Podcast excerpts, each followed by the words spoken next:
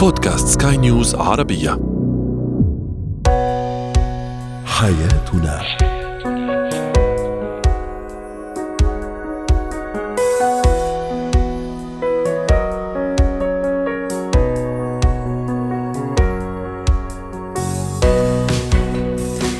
مستمعينا الكرام أهلا بكم معنا إلى حياتنا فضاؤكم اليومي الذي يعنى بشؤون الأسرة وباقي الشؤون الحياتية الأخرى والذي يمكنكم الاستماع إليه عبر منصة سكاي نيوز عربيه dot com slash podcast وباقي منصات سكاي نيوز العربية الأخرى. شاركونا على رقم الواتساب 00971 561 8862 اثنان ثلاثة. معي أنا أمل شاب. اليوم نتحدث عن هوس الشريك بالموضة. هل هو استنزاف للجيوب أم مسايرة للحداثة؟ ما هي أفضل الطرق لتعقيم زجاجات حليب الأطفال؟ وأخيرا هل لديك أو لديك صفات الشخصية السامة دون أن تشعر أو تشعري بها؟ نتعرف اليوم على بعض أو أهم هذه الصفات. هو وهي.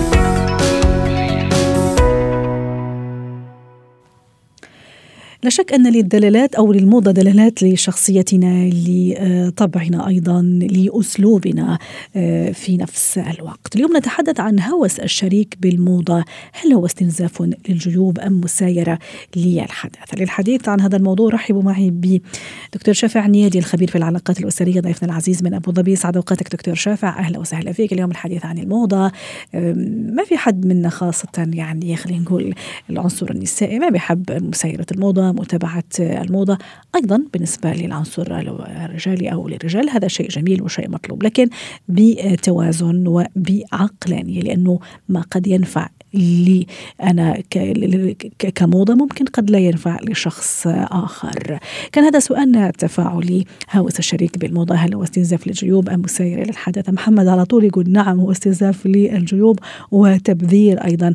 منى تقول أنا أختار ما يناسبني آه، ومن غير ما يكون في إسراف ولا تأثير أيضا على ميزانية البيت. ولؤي يقول نعم أنا كرجل لدي هوس بالموضة وهذا يسبب لي كثير من المشاكل مع زوجتي. دكتور شافع أكيد الاهتمام بالمظهر شيء رائع وشيء طيب وشيء جميل وشيء مطلوب أيضا. آه، أولا حتى نكون جميلين في عيون في يعني في عين في عيننا نحن وكمان في عين الشريك وفي نظر الشريك وهذا الشيء طيب وشيء جميل. لكن تحقيق المعادلة الصعبة بين يكون استنزاف للجيب وبالتالي ما يكون في تأثير على ميزانية البيت وبالتالي لما تتأثر ميزانية البيت أكيد في أشياء أخرى راح تتأثر تتأثر. وكمان يكون مسايرة للحداثة وفي نفس الوقت أيضا أنه نحط بعين الاعتبار وضعي الاجتماعي أقصد كشخص مرتبط أو كسيدة مرتبطة في آه، أشياء معينة وفي عادات معينة ما لازم نطلع عنها. نعم أحسنت جزاك الله خير امال طبعا نحن لو نسأل آه، هل هي الموضة استنزاف الجيوب أم مسايا الحداثه هل نحن بسأل سؤال أختي امال هل هذه الموضة هي من ضروريات أم من كماليات؟ للأسف نحن لما تدخل الموضة عند بعض سواء شريك الحياة كالزوج أو الزوجه لما تطقي هذه الموضة على الضروريات في الحياة آه، نحن نلاحظ كثير يعني يتذمرون من الموضه وينقدونها آه، لكن نرى البعض يعني لو تلاحظين أن أن هذا هوس موضة ما هو الداعي إذا أنا بشتري شعار أو براند من نوع من حي اي واصوره على مواقع التواصل الاجتماعي ما هو الهدف من هل هدفي ان اني أنا أكون آه، في حاجة لهذا الموضوع؟ فللأسف هل من المعقول أني أنا ممكن اغطي الكماليات وأتجاهل عن عن الضروريات؟ هذه الموضة سببت نحن نرجع حق الاسره مشاكل كثيرة، جاء ناس ديون لا عد ولا حصلها، لو ترين بعض الشخصيات والله يا أمال في عندهم ضروريات لأبنائهم ولأنفسهم. تجاهلوها بس بسبيل على أنهم يظهرون بهذه الموضة أمام الآخرين، أنا أرى أنا نحن ما ضد الموضة ولا ضدها لكن الإنسان إذا مثل ما أقول إن الله يحب أن يرى أثر نعمته على عبده. إذا صح. عندك هذه النعمة لكن أنا ما قادر على الضروريات ويارس أضحي بالضروريات في سبيل أني أنا أغطي على هذه الموضة هنا هنا هنا الكارثة. البعض ينظر الموضوع هذا عدم الثقة بالنفس. يعني أنا بقول بصراحة يمكن البعض في في علم النفس يرون أن بعض الشخصيات اللي هم مهتمين بموضة وهم في نفس الوقت عندهم ضروريات متجاهلينها فهذا يريدون يقطون على أشياء نقط ضعف عندهم في حياتهم. صحيح. نقط و... الضعف في حياتهم الموجودة. صحيح. كمان دكتور شافع حابه كمان أضوي على زاوية ما أدري إذا يعني تشارك يعني تقاسمنا الراي وشاركنا يعني لو سمحت. كمان الموضة مو شرط كمان تكون مرتبطة دائما بالأسعار الغالية. إي نعم في بعض الأشخاص يجنحون ويحبوا وعندهم هذا الهوس إنه أروح مثلا البراند غالي حتى ممكن في نفس القطعة لكن بسعر أقل. الفكرة هون ممكن أنا قد أتبع الموضة آخر صيحات الموضة لكن بحكمتي ويعني بنظرتي للأمور ممكن أشتريها بسعر أقل وبالتالي أنا جددت في الشكل جددت ممكن في الخزانة كزوج أو زوجة. لأنه ما يعني ما حدا يقدر ينكر يعني تأثيرها الطيب والإيجابي إذا اشترينا شيء إذا سايرنا مثلا قطعة معينة نازلة نازلة في السوق مثلا جديدة كموضة. لكن العقلانية هون مطلوبة بالتالي يكون يعني ضربت عصفورين بحجر واحد مثل ما بيقولوا. أنا كنت سايرت الموضة جبت قطعة جديدة هي الموضة وبنفس الوقت ما أكون ضريت جيبي ولا جيب الزوج وبالتالي ما تنظر الميزانية. احسنتي لحظة يا أختي أمان هنا قلتي أخذ الموضوع بحكمة. صح. نحن إذا كانت هذه الموضة لا توجد لها آثار سلبية فأتبعها. لكن إن كانت هذه الموضة تعيق حياتي الزوجية أو حياتي مع الأبناء فهنا نحن نحن ضد. نحن نأخذ مسألة الموضة والتجديد. الإنسان بطبيعته يحب دائما الأفضل دائما التجديد دائما التغيير فتوقعي لو أنا أخذت مثل ما قلتي أخذ بحكمة رائع. لكن البعض يأخذوه بطريقة مسرفة. بطريقة عشوائية بطريقة سبق من من يسبق لدرجة انه ينسى ويهمل في أشياء كثيرا بعض يعني هذا هذا الموضوع. يعني في كتاب أنا قرأت كتاب كيف يفكر الاغنياء لستيف ستيف سيبولد شو يقول أن دائما الاغنياء يعيشون بأقل من إمكاناتهم ويحبون الترفيه والتعليم. يعني دائما حتى يعني ينظرون هنا الموضة هنا الموضة الإيجابية اللي نحن ممكن نتحدث عنها. أخذ أغير واجدد لكن هل أنا هذه الموضة لم تؤثر على أمور كثيرة في حياتي؟ هل هذه الموضه يعني هل أنا أخذت هذا مجاراة للآخرين والأقران والتقليد وأنا وأنا أطلق على التقليد نوع من الفخر، البعض يمكن يأخذ الموضوع امال والله هذا زميلي أو زميلتي أخذت هذا الموضوع وأنا أريد أخضع ل يعني لما هم يرونه وأقلدهم. البعض يمكن يرى أن الموضوع أني أنا طيب أنا أخذ نوعي أصلية، أنا أنا أنا ما أقول يعني البعض يفكر على الموضه لازم يكون أصلي، مثل ما قلت أنت. الموضه في أشياء أصلية بس فيها نوع من الحكمة. صح. مش معناته أن أنا أي كاهل الزوج أو دكتور شافع؟ يبدو أن فقدنا الاتصال مع دكتور شفا نيادي الخبير في العلاقات الأسرية والحديث عن هوس الشريك بالموضة. هل هو استنزاف للجيوب المسايرة أم مسايرة للحدث؟ أكيد التوازن والاتزان مطلوب في في كل شيء يعني في كل شيء سواء من ناحية إذا كانت من ضرورات الحياة أم من الأمور الكماليات أو الأمور الثانوية. تفضل دكتور شافع مرة أخرى عم نحكي ونواصل الحديث بهوس الشريك بالموضة. أنا كنت حابة كمان أتوقف مع معك حضرتك ذكرت مصطلح التأثير أو التأثر. في كذا علاقة بين اتباعي أنا كزوجة عندي بيت ومسؤولة عن عيال وعندي مسؤولية وأولادي آه، صورتي الاجتماعية وكمان كزوجة آه، في حدود الموضة. ممكن ما كان يناسبني قبل ما أكون ربة بيت ومسؤولة عن بيت ومسؤولة عن أسرة وما راجع يناس أو ما راح يناسبني وأنا آه، في وضع اجتماعي معين ونفس الشيء بالنسبة للرجل أو الزوج. نعم لحظة لأن, لأن تعرفين بعد ما يكون الإنسان ممكن كفرد قبل الزواج لكن من بعد الزواج في مسؤوليات في بيت تنظر الرؤيه الأخرى للحياة. يعني نحن أي أي أب أو أي أم دائما يفضل أن أبنائه أفضل منه. فتتوجه أولويات في حياته. يمكن كان قبل الزواج في أولويات هذه الموضة وما شابه ذلك. الآن انتقلت الأولويات. أنا لا أنا أقصد دكتور شافع معلي سامحني أقصد كقطع مثلا آخذها ك style آخذه. ممكن ما كان مقبول آه، قبل يعني قبل ما الارتباط وقبل ما يكون عندي هالكيان الاجتماعي والأسري ممكن يعني مش لا بقلي من الآخر عرفت كيف؟ ما في تطابق ونفس الشيء بالنسبة للزوج. آه، تعرفين لأن هنا تنتقل تتغير الثقافة مم. الثقافة ما بين ما قبل وبعد هذا أمر طبيعي في في البعض وممكن أحيانا هذا التغيير يمكن قبل مع الرفقه ومع الاصدقاء أو مع أصحاب أو حتى شريك الحياة غير اللي لم كان مش مقبول الآن صار مقبول، لماذا؟ بمساله تأثير شريك الحياة بهذا القطعة أو بهذا المنظور أو حتى الرؤية، فهي ثقافة، ثقافة هي اللي تحدد هذه الموضوع آه، أنا أرى لهذه القطعة آه، الآن تناسبني وكثير بعض الشخصيات يمكن كانوا يعني يقولون نحن ما كنا ننظر الموضوع أن يكون هذا الشيء يعجبني، لكن م. الآن تأثرت أو تغيرت. شو السبب؟ لما نرجع سبب تأثر يا إما من يكون تأثير الثقافي اللي يكون موجود عنده مع أصحابه أو حتى مع يكون آه شريك الحياة. أحب أن أنوه لنقطة أختي الموضة تراها هي ليست سعادة، الموضة لذة. فرق البعض يخلط ما بين ما بين السعادة واللذة. السعادة تدوم معاه مع حياتي لكن اللذة مؤقتة. مؤقته تروح عني. فالبعض يأخذ ينظر لا أنا والله سعادتي لما اواقف أحدث الموضات. الموضات لن لن تنتهي.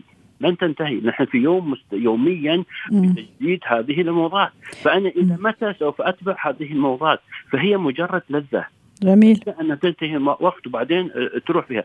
فلا بد نأخذ المنظور. أنا آه، انظر خاصة كشريك حياة وكوالدين انظر للمستقبل. جميل. ويا ريت وحبذا ما ادري كمان هي هي مجرد فكرة يعني خطرت على بالي وانت عم تحكي على على التجديد. إذا أخذناها بمنظور التجديد الموضة يا ريت كمان نجدد ونكون دائما مجددين ومتجددين في حياتنا الزوجية وفي علاقتنا مع الطرف الآخر. كمان يكون كثير مليح مو فقط موضة في الثياب كمان موضة في الأفكار في التجديد.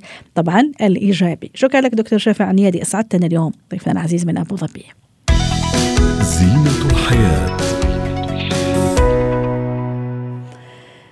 تنظيف آه، أو تعقيم زجاجات حليب الأطفال. لماذا من المهم تنظيفها؟ وبعدين كيف أنظفها وأعقمها بشكل صحيح وسليم؟ آه، يفيد وينفع طفلي الرضيع رحبوا معي بالدكتور سابح عبد العظيم اختصاصي طب الأطفال يسعد أوقاتك يا دكتور. أهلا وسهلا فيك. اولا لماذا من المهم تنظيف رضعات الطفل الرضيع وتعقيمها؟ أهلا وسهلا بك يا مال وسهلا المستمعين. آه ليه ننظف؟ لا هو طبيعي هو النظافة من الإيمان عموما. ولكن آه أنا أقصد الفي أكيد يعني هو سؤال بديهي. أنا دائما نحب يعني اشيل اسئله بديهية قد تبدو بديهية لكن آه ممكن تعطينا أفكار ممكن تعطينا أسباب. أنا ما ما أعرفها. أكيد هو زي ما إحنا بنقول هو النظافة قاعدة عامة للجميع إيه؟ ولكن للطفل هي لها خصوصية. لأن الحقيقة إن الطفل لأنه أول شيء الطفل جهازه المناعي يعني مش مكتمل. الطفل إحنا مسؤولين مسؤولية تامة عن الطفل وعن نظافته فعلشان كده آه، آه، مهم قوي إن إحنا نحافظ عليه من الميكروبات أو صح. الفيروسات والبكتيريا المحيطة به وتحديدا الحليب يعني هو مثل ما بيقولوا وسيط مثالي وخصب جدا اللي ممكن البكتيريا تنمو فيه. مشان هيك أنا سألت هالسؤال. كنت بقرا الجواب. انت جاوبتي ما شاء الله. هو الطفل في بداية عمره بيكون جهازه المناعي لسه مش مكتمل فبيبقى عرضه إن هو يتعرض للفيروسات والبكتيريا وبيبقى لسه الجهاز المناعي في بداية بنائه فبيبقى سهل إن الطفل يتعرض للفيروسات والبكتيريا. وزي ما أنت تفضلتي وقلتي بالفعل إن الحليب هو ميديا صالحة لنمو البكتيريا والميكروبات الحقيقة وسهل دخولها للطفل عن طريق آه، المرضعة. وهي حاجة خطيرة جدا طبعا لأنها شيء متكرر هي مصدر الغذاء الرئيسي أو الوسيلة اللي إحنا بندي بيها الطفل الغذاء بتاعه يوميا فهي شيء متكرر فالحفاظ على نظافتها شيء مهم جدا جدا للحفاظ على صحة الطفل. رائع. طيب نجي الآن كيف أنظفها وكيف أعقمها يا دكتور بشكل آه، صحيح وبشكل آه، بدي أقول علمي مثلا إذا صح التعبير؟ لا م. لازم الأول نفرق بين المصطلحين مصطلح م. التنظيف ومصطلح التعقيم تمام. مصطلح التنظيف هو الغسل العادي اللي إحنا بنتكلم عليه بالمية والصابون م. اللي هو بنشطف الشيء أو بننظفه ده تنظيف. اللي هي بعد كل بعد كل يعني آه, آه بعد كل مرة. بعد كل مرة. طبعا. آه بالظبط. ولكن التعقيم هو معناه إن أنا بعقم يعني بخلي المرضعة أو الزجاجة خالية تماما من أي ميكروب. رائع. وسيلة التعقيم مختلفة. صح بنقول طبعا للأم إن التنظيف هو تنظيف آه، آه، مستمر. بعد كل رضعة لازم المرضعة ما تسيبيش بقايا الحليب فيها عشان ما يهموش عليها البكتيريا ولكن بتنظفيها. ويكون بالصابون العادي يا دكتور بالصابون العادي اللي استخدمه في الصحون ولا تنصحوا بشيء آخر؟ التنظيف بالصابون العادي الحقيقي لكن التعقيم هو اللي له سوائل آه، خاصة. طيب. تمام؟ فالتعقيم إحنا بنقول الحقيقة ان الموضوع مرهق للأم إن أنا أقول لها إن قبل كل رضعة آه، آه، عقمي الزجاجة. ولكن الحقيقة إن في بعض النصائح بتقول إن إحنا لازم نستمر بتعقيم المرضعة قبل كل رضعة في أول ست شهور من عمر الطفل. لأن بيكون لسه الطفل في بدايته وجهاز المناعة ضعيف جدا. أكيد ف... الامهات اللي عم يسمعونا يقول لك يوه يعني كل صعب صعب, صعب. صعب. وبعد كده بنخليها كل يوم. التعقيم له وسائله المختلفة طبعا. على حسب نوع المرضعة أو الزجاجة اللي بتستخدمها الأم. فلازم الأم طبعا بتكون عندها أكتر من مرضعة. دايما أقول للأم خلي عندك دايما استبن خلي عندك صح. أكتر من واحدة. ما تستخدميش واحدة بس علشان تقدري تنظفي. فأنت ممكن تعقمي الاثنين وتستخدمي دي والثانيه بعدها فتبقي وفرتي على نفسك مرة في التعقيم. طرق التعقيم. طرق التعقيم زي ما إحنا قلنا مختلفة الحقيقة. أولا سواء بالبخار سواء بالتعقيم في الميكروويف سواء بالغلي سواء بالسوائل. الحقيقة طرق مختلفة وكتير بتستخدمها الأم لتعقيم المرضعة وكلهم في نفس درجة يعني الفعالية ولا لا؟ وإذا لا أعطينا أكثرهم فعالية. هو الحقيقة إن هم معظمهم إحنا عندنا الطريقة البدائية القديمة اللي أمهاتنا كلها متعودة عليها اللي هي طريقة الغلي. طبعا بتفكك كل أجزاء المرضعة وتحطها في قلب المية وتغلي لمدة 15 دقيقة. الحقيقة إن الغلي من الطرق القوية جدا والفعالة في إزالة الميكروبات. إذا كان الأمر وطبعا له اشتراطات ولازم القدر أو الشيء اللي إحنا نغلي فيه يكون خاص بالمرضعة ما بنستخدموش في الطهي ما بنستخدموش في أي شيء تاني ولازم يكون خاص بتعقيم المرضعة. دي الحقيقة وسيلة فعالة جدا وسهلة ومش مكلفة للأمهات كلها.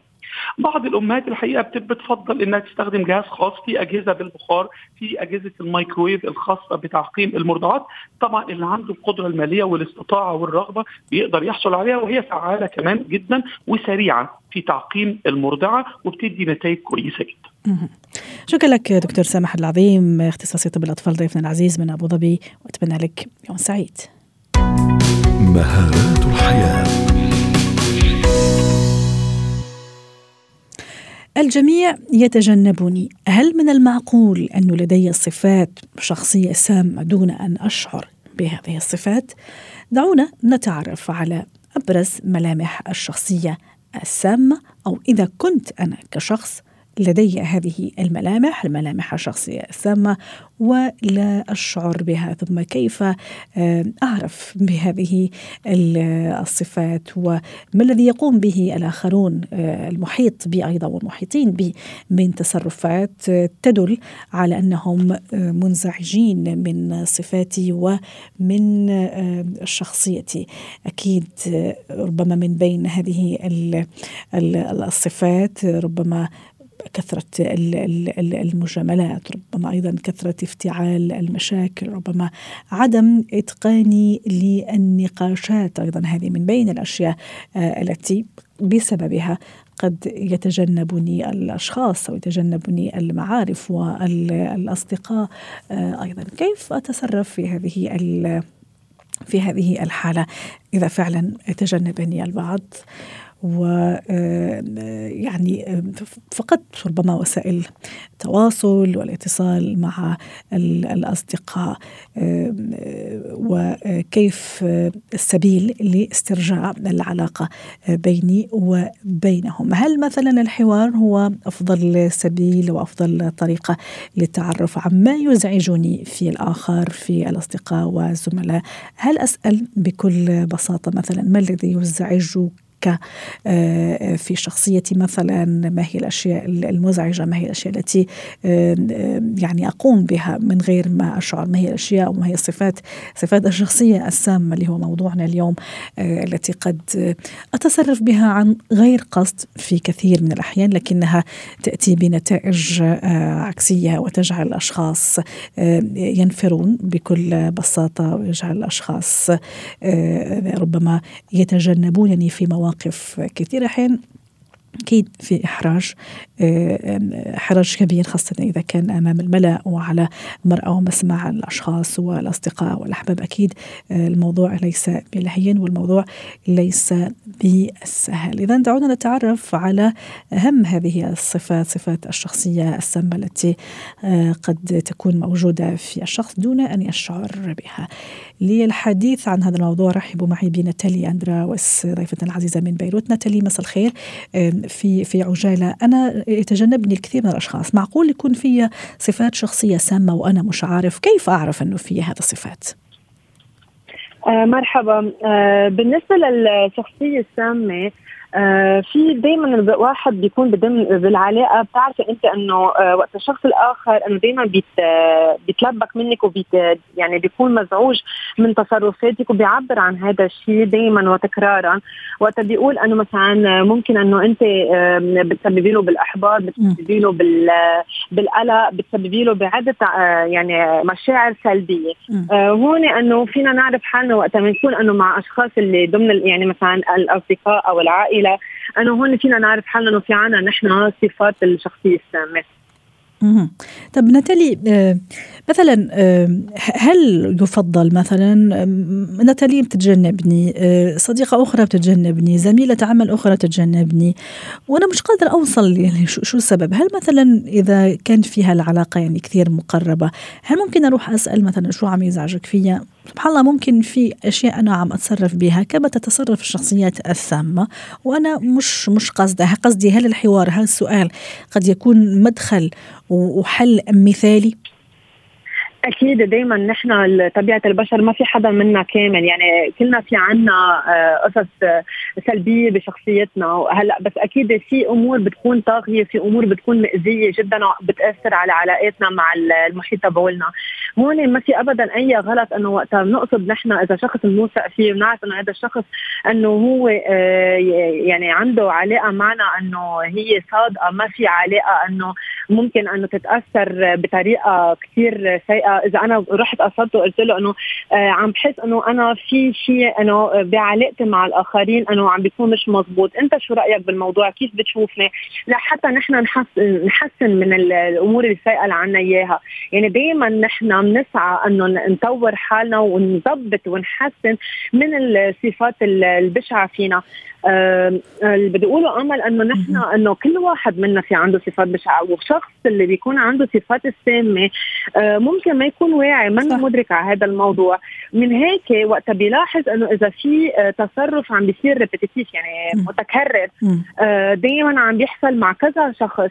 يمكن بالعمل يمكن بعلاقات الصداقة بال يعني أكثر شيء نحن يمكن بنحسها بالعمل لأنه بالعلاقات الصداقة الأصدقاء ممكن يتحملونا العائلة ممكن تتحملنا ولكن هذا بيحصل أكثر شيء بأجواء العمل. فمن هون أنا في أقصد مش حدا بال السيركل يعني الدائرة أيه. العمل. ممكن حدا ممكن خارج الدائرة ممكن يكون يعني عارف وممكن شايف الصورة بشكل أوضح. شكرا لك ناتاليا دراوس ضيفتنا العزيزة من بيروت وأتمنى لك أوقات سعيدة. حياتنا. ختام حلقة اليوم من حياتنا. شكرا لكم إلى اللقاء.